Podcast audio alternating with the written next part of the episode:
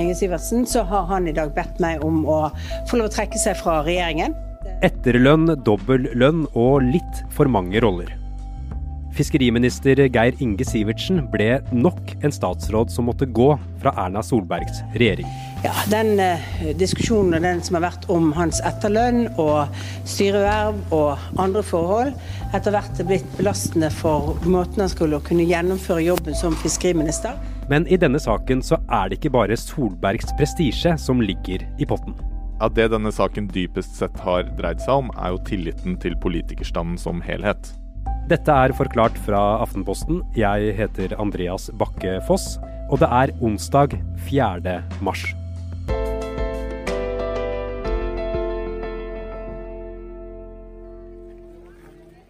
Da han kom ut på Slottsplassen 24.1, var Geir Inge Sivertsen et ukjent fjes for mange.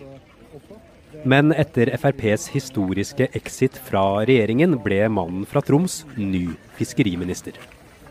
Det skulle ikke vare lenge. Jeg syns selvfølgelig dette er leit. Jeg aksepterer godt hans begrunnelse for dette. Har forståelse for at dette etter hvert ble en veldig vanskelig situasjon. Men eh, samtidig har jeg lyst til å si at Geir Inge ville vært en veldig god fiskeriminister. Før han ble statsråd, så var Sivertsen statssekretær. Og før det igjen så var han ordfører i Lenvik kommune i Troms. Og den 14. februar kunne Dagbladet avsløre at Sivertsen hadde bedt om å få etterlønn som ordfører. Selv om han hadde fulltidsjobb som statssekretær. Hans egen forklaring er at belastningen ble for stor for både ham, regjeringen og Høyre. Andreas Slettholm er kommentator i Aftenposten. Eh, gjennom den store oppmerksomheten som hans egen etterlønn, dobbeltlønn, eh, også styreverv, eh, medlemskap i Frimurlosjen og andre godtgjørelser fikk. Da tar vi noen spørsmål i plenum, og så tar vi noen spørsmål én til én etterpå. Så først eh, Statsminister Erna Solberg støttet dobbeltlønna til Sivertsen. Den støtten var også det første hun fikk spørsmål om da han ba om å få trekke seg. Eh, står du fortsatt ved det? Ja, Han har gjort to jobber i en, en, kort periode, og det har vært viktig det. Andreas, du mener denne saken går rett inn i diskusjonen om eh, hva slags lønns- og arbeidsvilkår politikere fortjener. Hvordan da? Det er to ting som er litt spesielt i denne saken sammenlignet med andre saker. For det første så dreier det seg om en sittende minister. Naturlig nok så har de fleste etterlønnssakene dreid seg om eh, avgåtte statsråder eller politikere, fordi man får jo etterlønn etter at man er ferdig. Men her var det altså etterlønnen som ordfører og over i, i statsapparatet som eh, har vært uh, i potten. Og så er det andre som er spesielt, er at det fremstår så grunnleggende i strid med det som er intensjonen bak etterlønnen. Det skal være et slags sikkerhetsnett, en sikringsordning for politikere som risikerer å stå på eh, bar bakke. Men eh, hvis det ikke er slik den brukes, så mister også etterlønnsordningen sin legitimitet. Ja, nå er det sånn at den, Disse samtalene om Geir Inge har jo vart over noen dager. Eh, og eh, Den situasjonen som selvfølgelig er vanskelig, er når den ikke legger seg. Man ikke blir ferdig selv om man har ryddet opp i etterlønnsspørsmålet, og at han har ryddet opp i forhold til styrevervene sine egentlig for lenge siden. Men eh, når den ikke blir ferdig, så blir dette for belastende totalt sett. Vi hører Erna Solberg forklare seg her og, og si at situasjonen ble for belastende. Hva var det som ble så belastende for Sivertsen? Det er klart at dette har vært en veldig stor eh, mediesak etter hvert. Den startet litt sånn eh, rolig i Dagbladet med noen avsløringer som ikke de andre mediene eh, kastet seg på, men så kom det stadig nye, en sånn skanse-til-skanse-dynamikk, ikke sant, hvor flere medier eh, slang seg på. Opposisjonen brukte stadig sterkere ord, og, og, jeg må si at jeg har en forståelse for den personlige belastningen det til slutt er å stå i sånne stormer. Spesielt da når det er en sak som til syvende og sist dreier seg om din egen moral og personlige dømmekraft? Jeg mener at Geir Inge uh, hadde vært en veldig god fiskeriminister. og det har jeg lyst til å understreke. Men du kan ikke gjøre en god jobb hvis du over tid ikke får tid til å gjøre jobben, for du må svare på andre spørsmål. Og det er den erkjennelsen Geir Inge har tatt eh, i dag. Solberg sier at uh, Sivertsen ikke fikk gjort jobben sin fordi han måtte svare på andre spørsmål, som hun kaller det. Var det så enkelt? Ja, nei, altså Dette er jo den alminnelige begrunnelsen man bruker eh, når man etter en tid finner ut at saker ikke blåser over, sånn som man kanskje hadde håpet på, eh, uten at det har skjedd noen endringer i denne saken. Det har jo ikke dukket opp noen eh, formildende omstendigheter eh, rundt denne etterlønnssøknaden fra Sivertsen. Det er fortsatt eh, ingen som egentlig har svart, eller han har ikke svart ordentlig på hvorfor han søkte den etterlønnen. Eh, ikke sant? Og så viser man da til den oppmerksomheten, han får ikke tid til å gjøre jobben sin osv. Men man kan jo også se det som at det er de forholdene som ligger til grunn her. Spesielt denne etterlønnen, men kanskje også dobbeltlønnen, som til slutt er så, såpass alvorlig at det ikke er forenlig med å være statsråd?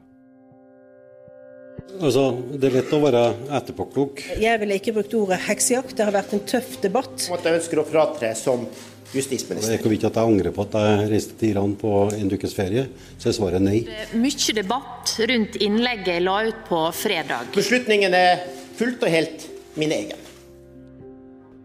Rekken av statsråder som har måttet forlate Solbergs regjeringer siden 2013, er lang. Og nå har det altså skjedd igjen. Hva betyr det for posisjonen til statsministeren? Vi er tilbake om litt. Jeg syns at etterpåklokskap er en av de interessante øvelsene, men det er også bare det. Det er en øvelse. Andreas Slettholm, du mener eh, Erna Solberg kommer svekket ut fra denne saken. Hvorfor det? Nei, Det er jo aldri bra for en statsminister å bli tvunget til å skifte en statsråd etter så kort eh, tid. Eh, og også fordi hun da har ment at det han har gjort ikke i seg selv er alvorlig nok. Hun har uttrykt uh, tillit til ham. Hun har uh, også sagt at han, tror, han, kommer til å bli en veldig god fiskeriminister. Uh, og så ser det ut til at de fleste andre egentlig er uenig i at det han har gjort ikke er alvorlig nok. Og det, er, det handler jo også da om Solbergs vurdering av denne saken. Det var Dagbladet som måtte avsløre denne saken, Andreas. Hva forteller det om Solbergs kontroll over folk i egne rekker? Hva slags medlemskap statsråder har i ulike organisasjoner, og for så vidt også hva slags inntektsforhold de har. Det tenker jeg at det er naturlig at uh, statsministeren og hennes kontor har oversikt over. For det handler om de bindingene som statsråden har, som i hvert fall uh, man skal ha en oversikt over. Uh, men man kan jo heller ikke gardere seg helt. Sivertsen sa jo f.eks. at han skulle si opp alle sine styreverv ved nyttår. og så fortsatte han jo i hvert fall ett sted med å skrive under årsregnskapet rett før han ble minister. Og det er jo vanskelig å gardere seg helt mot, i hvert fall ikke uten å Eh, bygge opp et veldig omfattende, eller et veldig mye mer omfattende kontrollsystem enn man har i dag. Men nå har jo Erna Solberg hatt et skikkelig renn av eh, statsråder som har forlatt postene siden 2013, eh, og hun sitter fortsatt. Hva gjør det med henne som statsminister at det er så mye utskiftninger? Nei, nå har jo mange av statsrådsskiftene dreid seg om at partier har gått inn og ut av regjering og sånn, men det er klart at i hvert fall på enkelte poster så er det uheldig at du får så mange utskiftninger i tillegg, f.eks. da på justisministerposten. Og det har nok også hatt reelle konsekvenser, i form av at man ikke får nok kontinuitet til å jobbe gjennom alle disse sakene som skal gjennom. Der, der er det f.eks. en politireform som fortsatt ikke er i mål, som nok kunne ha gått både bedre og kanskje litt fortere hvis du hadde hatt hatt færre justisministre siden 2013. I Politisk kvarter på NRK mandag svarte Erna Solberg på kritikken. Det at man har søkt etterlønn i kommunen når man er i jobb, har ikke statsministerens kontor kontroll på. For det er heller ikke vi som har vært involvert i det. Det var en overraskelse når det kom. Og hun kaller samtalen de har hatt, en tillitssamtale. Det er en samtale hvor man forklarer og man må legge på bordet hva som kan være problematisk. Hva som kan være ting som kommer i media, oppslag, saker som, er, som skal være av betydning for den vurderingen. Hva er det som eh, har vært i spill i denne saken med fiskeriministeren? Man kan jo si at det er litt sånn regjeringens prestisje og styringsdyktighet, som alltid når det er mulig at en statsråd må gå. Men eh, her så er det også tilliten til politikerstanden som eh, helhet, og deres gangsyn til å bestemme sine egne privilegier, som jo politikere mer eller mindre gjør, som har vært i potten. Ja, hvordan har denne tilliten vært eh, i potten her? Nei, fordi Her er det snakk om en utnyttelse av en ordning på en helt annen måte enn det som åpenbart er intensjonen. Det er dette med en sikringsordning som, eh, som etterlønn skal være. Eh, og, og, så er det blitt brukt nærmest som en sånn avslutningsbonus, eller eh, han Sivertsen sa jo også på et tidspunkt at han kanskje skulle prøve å avvikle noe ferie og osv. Så altså sånne slags ekstra feriepenger. Og hvis ikke den type bruk av et privilegium som er eh, kun for politikere, får noen reelle konsekvenser, så tror jeg at det vil kunne gå utover tilliten til politikere som stand. da. Men er det gangsynet som eh, svikter eh, når noe sånt skjer, eller forteller det også om noe mer strukturelt problematisk?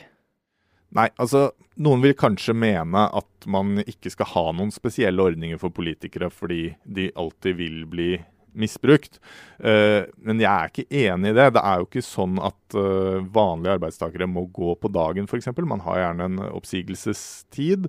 Uh, statsråder f.eks. kan jo heller ikke være i jobbprosesser mens man sitter som statsråd og prøver å sikre seg andre alternativer til den dagen du må gå av. Sånn at etterlønnsordninger som prinsipp er godt begrunnet, men det fordrer jo da selvfølgelig at uh, politikere uh, bruker de på den måten de er tenkt.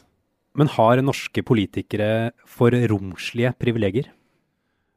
Jeg vil ikke si det på generell basis. Uh, det er et verv som krever mye hvis man gjør jobben bra, og det er også en usikker eh, jobb. Men det er klart f.eks. sakene rundt eh, falske reiseregninger og sånn har jo vist behov for en mye bedre kontroll. En ren tillitsbasert ordning kan jo bli misbrukt.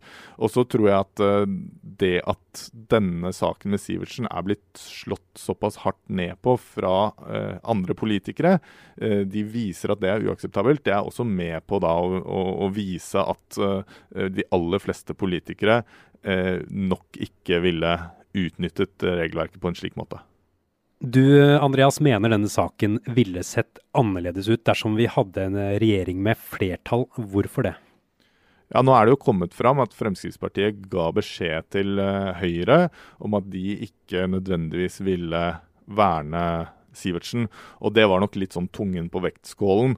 Men så kan man jo si da at dette er jo til syvende og sist en moralsk vurdering uansett. Og det er litt trist å tenke på at uh, regjeringsdeltagelse er det som skal avgjøre stemmegivning i en sånn, uh, sånn sak. Uh, sånn at det er jo en, en blanding av partipolitikk og strategi, og hvilke allianser du tross alt er en del av om å forsvare. Hvis Erna Solberg forsvarer det og man sitter eh, som parti i regjering, så tenker man kanskje litt annerledes.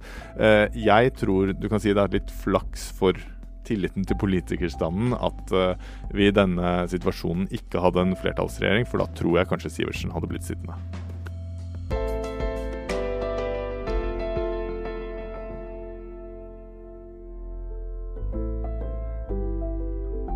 Forklart lages av Caroline Fossland, Anne Lindholm, Fride Næss Nonstad, Kristoffer Rønneberg og meg, Andreas Bakke Foss. I denne episoden har du hørt lyd fra NRK og VGTV.